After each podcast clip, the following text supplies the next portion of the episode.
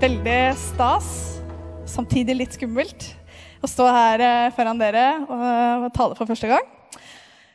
Skummelt, det er kanskje på plass eh, at det er det nå som det er eh, halloweenhelg. Så det får, det får bare være. For de av dere som ikke kjenner meg fra før, så heter jeg Line Ingemoen. Og jeg leder forsamlingsteamet på 1630-gudstjenesten her i kirka. Jeg er gift med kjekkasen Martin Engemoen. eh, Og vi bor i Asker med katten vår Paulus. Eh, og hvis dere syns det er et litt snodig valg av navn, så kan jeg si at eh, det er fordi jeg skrev min masteravhandling på Menighetsfakultetet et helt år om Paulus. Så det var bare på sin plass at pusen skulle hete det. Og hvis dere liksom tenker litt gjennom, så finner dere ordet pus i Paulus. Så vi tenkte at det passa veldig bra. Litt mer om meg. Eh, Jeg har vokst opp i Moss, i en kristen familie. Og nei, det lukter ikke vondt i Moss lenger. For de av dere som eh, kanskje tenkte på det. Eh, Etter videregående så reiste jeg til Australia og var der med ungdom i oppdrag i ett og et halvt år. Mens jeg var der, så fant jeg en ny lidenskap for Guds ord. Og nå i våres så fullførte jeg mastergraden min i teologi. eh, Og veldig fornøyd med å ha gått den veien. Og nå jobber jeg i Den norske kirke som trosopplæringsleder. Veldig veldig spennende å jobbe med mennesker og å jobbe med Guds ord. Eh, Gjennom hele studietiden min i Oslo så har jeg vært aktiv i Philadelphia-kirken. Eh, Først i sentrum, og så når Kristin og Halvard begynte å jobbe med kirkeplanting, så engasjerte jeg meg ganske raskt i det. For det er noe skikkelig spesielt med denne kirka her, syns jeg. Det er eh, en visjon som formidles, og det er et fellesskap som opprettholdes både på gudstjenesten og ellers, som er skikkelig spesielt. Så her trives jeg skikkelig godt. Eh, og det, det er litt om meg. Det er litt om hva jeg driver med. Så før vi går inn i stoffet, holdt jeg på å si, da skal vi be en liten bønn. Far, vi takker deg for denne kvelden her.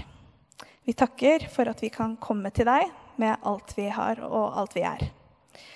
Må du gi oss håp der hvor eh, ting virker håpløst. Må du komme med ditt lys hvor ting er mørkt. Og må du lede oss i livene våre sånn som du ønsker å gjøre det, Gud. Amen. Ok, allehelgensdag. Eller allehelgen. Hva er det? Halloween, sa Halvor. Eh, og at det er en kristen tradisjon. Det er jo litt spennende. Men jeg tenkte jeg skulle si litt mer om det. Ifølge Store norske leksikon så er allehelgensdag en minnefest for alle helgener og martyrer. Og helgener og martyrer, det er altså folk som har bemerka seg, på sett og vis. Eh, kanskje fordi at de vant store seire, eller at de døde for troen sin. Kanskje. Og de har dermed satt spor i historien. I Oslo har vi f.eks. en helgen i kommunevåpenet, til og med. Som er Sankt Halvard, som dere ser bilde av her. Skal vi se Akkurat eh, du, Halvard, har vel kanskje ikke rukket å bli helgen eh, helt enda. Eh, vi får se. Plutselig blir det vet du. Vi tror vi har den riktige Der, ja. Yes. Litt mindre hode. ja. Men iallfall For dere, de av dere som liker litt sånn fun facts og sånn, så Sankt Halvard, altså den, den, han der, han skulle hjelpe en jomfru Eller hun var ikke jomfru, hun var gravid. Eh, trellkvinne. Men i nød. Eh, og mens han gjorde det, ble han skutt av piler og sunket med en sånn møllestein rundt halsen. Men han fløt opp igjen. Og det vil jeg si er et under. Så derfor ble han en helgen. Vi kan likevel håpe at vår Halvard slipper en, å ende sånn. Vi, vi har bedre ting for deg i vente. Yes. Uh, Allehelgensdag er likevel ikke bare en dag for helgener og martyrer. Men den markeres i dag i kirker rundt omkring i hele landet som en minnedag for alle de som er døde. For de som har gått bort før oss. Svein Ellingsen, en av Norges mest anerkjente salmediktere i sin tid, han beskriver allehelgensdag på denne måten i første vers av salmen. De som gikk bort, de vil vi minnes. De som gikk foran oss, de vil vi minnes. Beklager. Og den går sånn. Første verset. De som gikk foran oss, dem vil vi minnes. Her i Guds hus, hvor en dør står på klem. Inn til et glimt av den kommende verden. De som gikk foran, vi tenker på dem. Denne dagen høres kanskje litt trist, litt dyster ut. Men den markerer også det kristne håpet om oppstandelse. Den liturgiske fargen Jeg jobber i Den norske kirke, så jeg må vite litt om det. Den liturgiske fargen på allehelgensdag, den er til og med hvit. Det er jo håpets farge. Derfor er det en slags markering av at Kirkens fellesskap både består av de som lever i dag, og de som er døde i, i det kristne håpet om evig liv. Derfor skal jeg i dag snakke litt om disse to kontrastene. Død og sorg og oppstandelse og håp.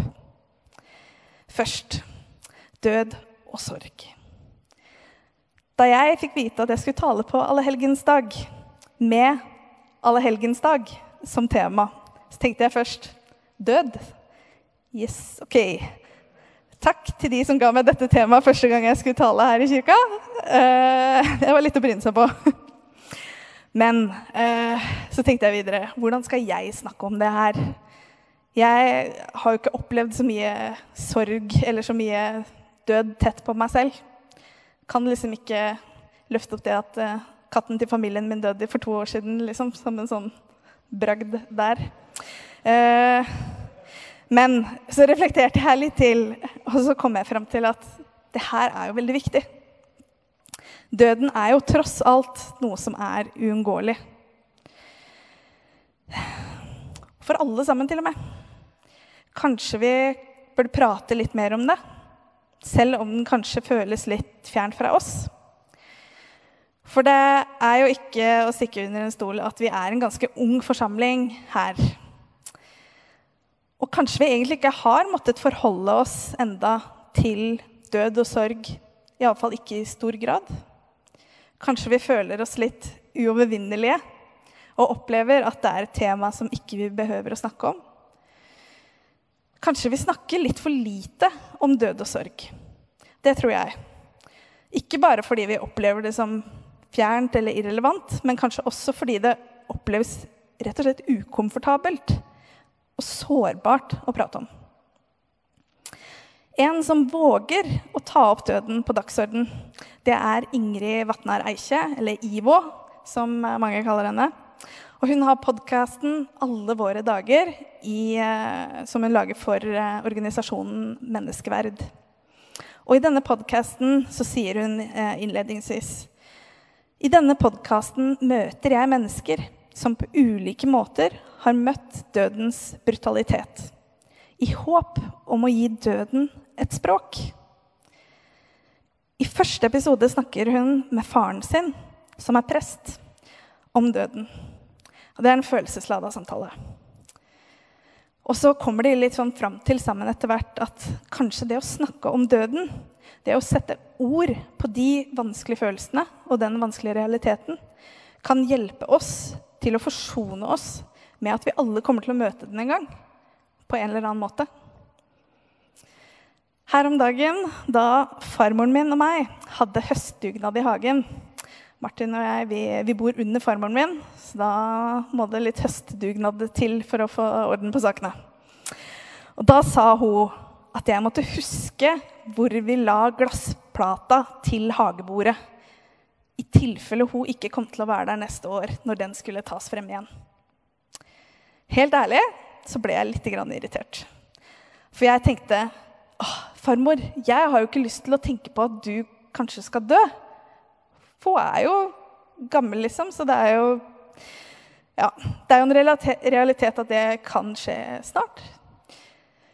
Eh, men så begynte jeg å jobbe litt med denne talen her. Og så kom jeg litt sånn fram til at kanskje det var litt dumt at jeg bare avfeide henne. Kanskje det egentlig var en invitasjon til å snakke om døden. Døden vil jo komme. Og sannsynligvis kommer den tidligere for farmoren min enn for meg. Kanskje en samtale om døden med farmor kunne vært en måte både for meg å forsone meg med at jeg kommer til å miste henne en dag, og for henne å forsone seg med at døden kommer. Og kanskje ikke alle vi burde være så passive når det gjelder samtaler og spørsmål om døden. Jeg syns Ingrid Vatnar Eikje Ivo er skikkelig tøff, som tør å stille de vanskelige spørsmålene rundt død og sorg. Og kanskje spesielt når hun sier at hun ikke har opplevd sorg så tett på i livet sitt selv. Det er forbilledlig, tenker jeg. For til syvende og sist så kommer vi jo ikke unna at folk rundt oss kommer til å dø. Og kanskje, om vi tør å snakke om det, at vi kan bidra til at døden oppleves litt mindre skremmende. Bibelen forteller oss også at kristne, tidlig kristne var opptatt av disse spørsmålene her. Selv om ikke de nødvendigvis var eh, i stor fare eller nær døden selv, så undret de seg om hvordan døden kom til å se ut for de troende. Dette ser vi f.eks. i første Tessalonikerbrev. Paulus ville nemlig ikke katten, altså, men dette er Paulus fra Bibelen. Han ville nemlig ikke at menighetene skulle være passive eller uvitende overfor spørsmål sånn som det her. Så han sier, 'Vi vil at dere skal vite, søsken, hva som skjer med dem som er sovnet inn. Dere skal jo ikke sørge sånn som de andre, de som er uten håp. Grunnen til dette er at Paulus mente at ikke de kom til å sørge sånn som de andre, siden de hadde det kristne håpet. Og det tar oss videre til temaet sorg. Og er det sånn at håp kan endre på måten vi sørger på? Det første jeg ønsker å påpeke når det kommer til sorg, er at det er veldig individuelt. Det er ikke noe du kan plassere i en mal. Et annet ord for det er ideosynkratisk. Litt komplisert, men vi skal bryte den ned. Det betyr at det er særegent, og det har opphav i det greske ordet Dios, som betyr egen, og synkrasis, som betyr blanding. Derfor kan sorg oppleves som en litt sånn egen blanding som er unikt for den personen som opplever det. Kanskje vi derfor burde være litt forsiktige med å si at vi skjønner hvordan du har det, og vi skjønner hvordan det føles. Det andre jeg vil si når det gjelder sorg, er at det ikke bare trenger å være knytta til død. Det kan omfatte veldig mange andre former for tap. Og siden vi er en litt ung forsamling, så kanskje den mest relevante sorgtypen å løfte fram er eh, kjærlighetssorg. Og her skal vi Kjærlighetssorg er en helt reell sorg, så vi skal ikke snakke ned det. Eh, andre former for sorg kan være sorg over tapte muligheter, tapt tid, tap av god helse. Eller tap av ting, til og med. Som sorgen over et hjem som brant ned, et eh, arvestykke som man mista, eller sånt. Likevel så kan ikke jeg si til noen som sørger fordi de har mistet et familiemedlem eller en nær venn, at jeg skjønner hvor, hvordan de har det fordi at jeg for to år siden mistet en katt. Det er liksom ikke helt på samme nivå. Jeg kan ikke heller si at jeg skjønner hvordan de har det fordi at jeg har hatt kjærlighetssorg. Så det er sorg, men det er likevel ikke det samme. Så hvordan skal vi egentlig møte folk som sørger? Hva kan vi gjøre selv om kanskje ikke vi har opplevd noe lignende? Og Den norske kirke har utarbeidet en førstehjelp ved sorg som er noen konkrete tips som kan gjøre det enklere å være der for folk som sørger. Punkt nummer én. Ta ansvar for kontakten. Det er litt sånn Vær den som ringer. Ikke nødvendigvis gi den personen som sørger, ansvaret for å ta kontakt. For sjansen er stor for at den som sørger, kanskje ikke orker å ta kontakten. Prøv å ringe, og om det ikke passer, ring igjen. Nummer to ta initiativ. Her tror jeg det kan være smart å foreslå helt hverdagslige aktiviteter. Spør personen om å gå en tur, ta en kopp kaffe. For det kan hende at den som sørger, faktisk trenger en liten pause i det tankekjøret som kanskje er involvert i en sorgprosess. Nummer tre bryt stillheten. Det kan være vanskelig å vite hva man skal si i møte med noen som sørger. Men jeg tror det er viktig at vi likevel tør å si noe. Og her er det ikke det viktigste hva du sier, men at man tør å bryte stillheten. Punkt nummer fire er å vise nærvær. Kanskje vi føler at eh, man liksom trenger seg på hvis man tar kontakt med noen som sørger. Og kanskje man til og med har lyst til å vente til liksom, det verste har gått over.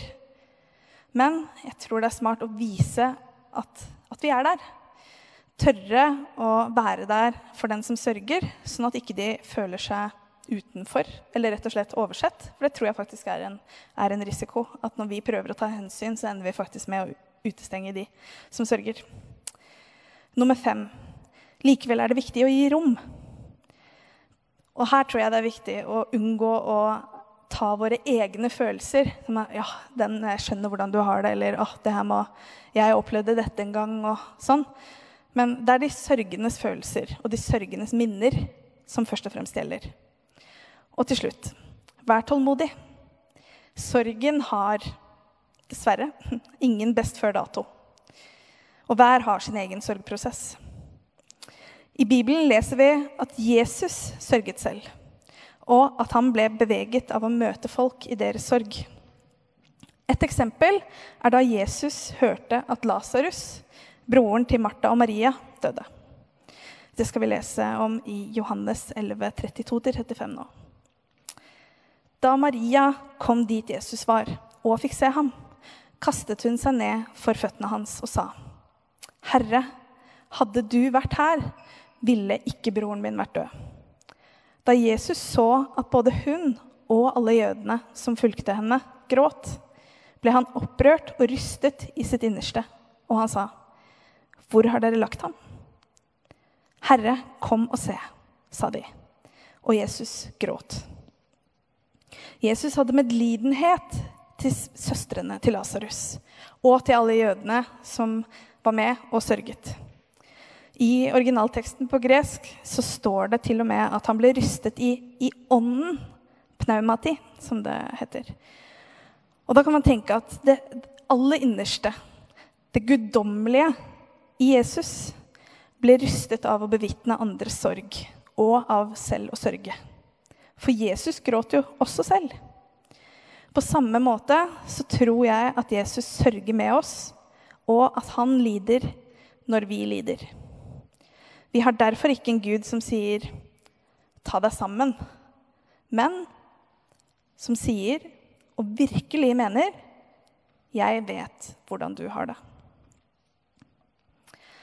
Det følger også med i historien at Jesus reiste Lasarus opp fra de døde. Flere teologer mener at dette er et slags frampek eh, mot Jesus sin egen oppstandelse i evangeliet etter Johannes. Slik Jesus reiste opp Lasarus, skulle Jesus stå opp selv. Og ikke minst, slik Lasarus sto opp, så fantes det en forventning om at de troende også skulle stå opp. Jeg tror faktisk at det kristne håpet om oppstandelse, om liv, det kan gjøre noe med hvordan vi takler sorg.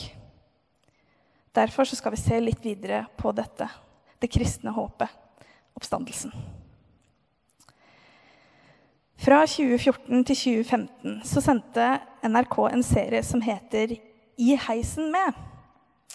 Det er jo en, eh, en, litt eh, eldre serie. Jeg hadde ikke hørt om den eh, før jeg så den. Det er jo kanskje naturlig at man ikke har hørt den før man nesten. Eller jo, kanskje. Noen ganger hører man jo rykter og sånn. Men siden den var litt gammel, da, så dukket den plutselig opp. Eh, og i denne serien så måtte to kjendiser være i en heis sammen og besvare noen viktige spørsmål i livet før de kunne få slippe ut. Og I en av episodene så sitter regissør Erik Poppe og komiker Jon Niklas Rønning i heisen. Og de får spørsmålet Hva skjer etter døden? Finnes det noe etter døden? Her var jeg litt spent. Jon Niklas forteller at han har kjempedødsangst. Mye pga. at han som barn fikk høre fra faren sin at når man dør, da blir det svart. Du blir jord. Han forteller videre at det var litt vanskelig å forsone seg med. Men at det derimot var lettere å forsone seg med at, man, at han ikke visste. At det er lettere å si at man ikke vet, og la det være med det. Men så lurer jeg litt på er uvisshet løsningen? Er usikkerhet svaret? Videre. I Pixar-filmen 'Coco', som handler om en meksikansk gutt som drar på leting etter sin musikerbestefar i de dødes land, får vi en annen forklaring på hva som kan skje etter døden. De sier When there's no one left in the living world who remembers you, you disappear from the world. Det betyr altså at det er i minnet til de som lever, at de døde lever videre. Jeg personlig digget uh, denne filmen her. Jeg syns det er skikkelig kult at uh, Pixar kunne lage en film for barn og familier som omhandler et såpass uh, sårt og kanskje vanskelig tema som døden. Likevel så mener jeg at påstanden at de døde lever videre i våre minner, egentlig bare er en litt mildere måte å si at døden er slutten på. I alle fall for de som dør selv. Samtidig så er det noe med minner som er så viktig når det gjelder tap og sorg. I minnene så tar vi vare på det eller livet vi har mistet. Og ved å minne de, så anerkjenner vi den formgivende rollen som det eller de har hatt på livene våre. Også, som kanskje er relevant eh, spesielt å hente fram i dag på Allehelgensdag, den formgivende rollen som de som har gått før oss, har hatt på troen og på frelseshistorien. I hebreerbrevet så lister forfatteren opp i kapittel 11 noe som i etterkant har blitt kalt Bibelens Hall of Faith. Det er eh, en haug med folk helt fra Gamle testamentet fram til Det nye testamentet som eh, virkelig har utmerka seg. Enten så har de vunnet store seire, eller så har de eh, hatt nederlag. Men nederlag som til slutt kanskje er en stor seier. Sånn som Jesus vant sin største seier nemlig ved å dø. For døden er uunngåelig. Men som hebreerbrevet eh, legger til rette for Oppstandelsen er jo forbi den og gjør på sett og vis døden til porten inn til evigheten. Og det gjør det verdt det, kanskje. Så da skal vi lese fra hebreerbrevet. Derfor, når vi har en så stor sky av vitner omkring oss, så la oss legge av alt det som tynger, og synden som så lett fanger oss inn. Og med utholdenhet fullføre det løpet som ligger foran oss. Med blikket festet på Han som er troens opphavsmann og fullender, Jesus. For å få den gleden som han hadde i vente, holdt han ut på korset uten å bry seg om skammen. Og nå har han satt seg på Guds høyre side nei, på høyre side av Guds trone. Det er Hebrebrevet 12, 1-2. Og her, i kapittel 12, så er de som har gått i forveien, de er en sky av vitner. Og de er der også for å hjelpe oss med å fullføre løpet som ligger foran oss. Fullendelsen, troens mål, målet på løpet, det er oppstandelsen. Og den ligger foran oss. Og den er et sentralt punkt i det kristne fremtidshåpet. Et eksempel på en mann som virkelig trodde på dette fremtidshåpet, det er Martin Luther King jr. For dagen før han ble skutt og drept, så har han en tale som noen kaller profetisk. Det virker nesten som at han er klar for døden. For så klart er fremtidshåpet hans når han sier i talen Like anybody, I would like to live a long life. Longevity has its place. But I'm not concerned about that now. I just want to do God's will. And He's allowed me to go up to the mountain. And I've looked over. And I've seen the promised land. I may not get there with you, but I want you to know tonight that we, as a people, will get to the promised land. Med disse ordene så sammenligner han seg med Moses, som fikk se landet Israel fra avstand, men som ikke fikk komme inn dit sammen med de han vandret med. Og Moses er også en av de som blir listet opp i eh, Hall of Faith i Hebrebrevet. Og det virker som om Martin Luther King jr. sitt fremtidshåp det overskygger frykten hans for døden. Og jeg håper at vårt fremtidshåp, vårt oppstandelseshåp, kan gjøre noe lignende for oss. At vi kan ha tillit til at lyset overvinner mørket. Både i og etter døden, men også nå i livet. Til slutt skal jeg oppsummere noen av punktene vi har gått gjennom i denne talen her. Og det første, det er tørr å snakke om døden. Gi døden et språk, selv om kanskje den oppleves fjern. Punkt nummer to. Sorgen er individuell, men Jesus kan relatere til oss. Så tørr å møte han i sorgen. Og så punkt tre. Håper at vi kan våge å møte andre i sorgen i stedet for å skygge unna. Og at de som sørger, at de tør å møte andre med sin sorg. Jeg tror, punkt fire, oppstandelseshåpet kan gjøre en forskjell. Det er lyset i mørket. Og Jesus, han har gått foran. Og vi, vi kan følge etter.